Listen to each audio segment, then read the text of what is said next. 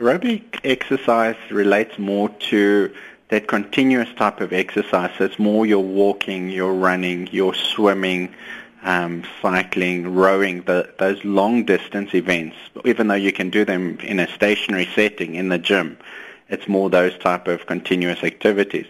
Whereas resistance training is actually more about weight lifting. And it actually refers to picking up of weights or even your own body weight either in a gym setting or in a home-based setting or in a community setting. Professor Brandon Shaw is die fisiedekaan en professor by die departement van sport en bewegingsstudies aan die Universiteit van Johannesburg.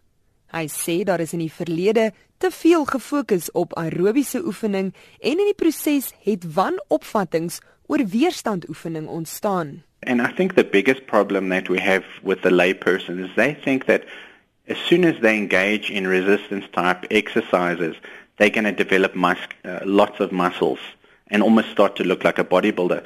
But I can say that's really not true because many people don't have the, the hormonal or the genetic profile to actually become bodybuilders. That's a very elite group of individuals that can become bodybuilders. And also it's a very different way of training. So a lot of people don't understand that there are many different types of resistance training they can do.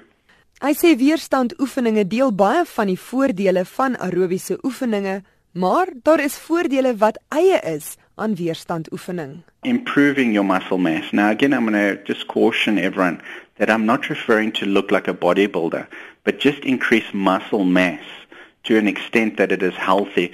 Um, because if you think about it, as you age after the year, after the age of 30, you actually start to decline in your lean mass, meaning your bone mass starts to decline, your muscle mass starts to decline, and those put you at risk for, for many injuries and many diseases.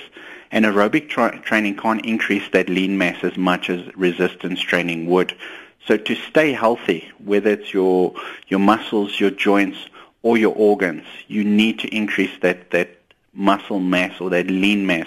Because as your muscle mass increases, your bone mass will also increase, which is quite unique to resistance training over and above that of aerobic training.